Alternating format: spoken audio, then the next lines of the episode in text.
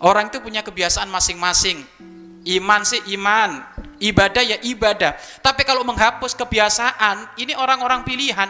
Semuanya punya kebiasaan, ada punya kebiasaan bengong, ada punya kebiasaan ngerumpi, ada punya kebiasaan ini itu. Lo kebiasaan itu dihapus, difokuskan hanya untuk sesuatu yang manfaat, yakni ibadah kepada Allah Subhanahu wa taala. Maka ini lebih dalam lagi ini.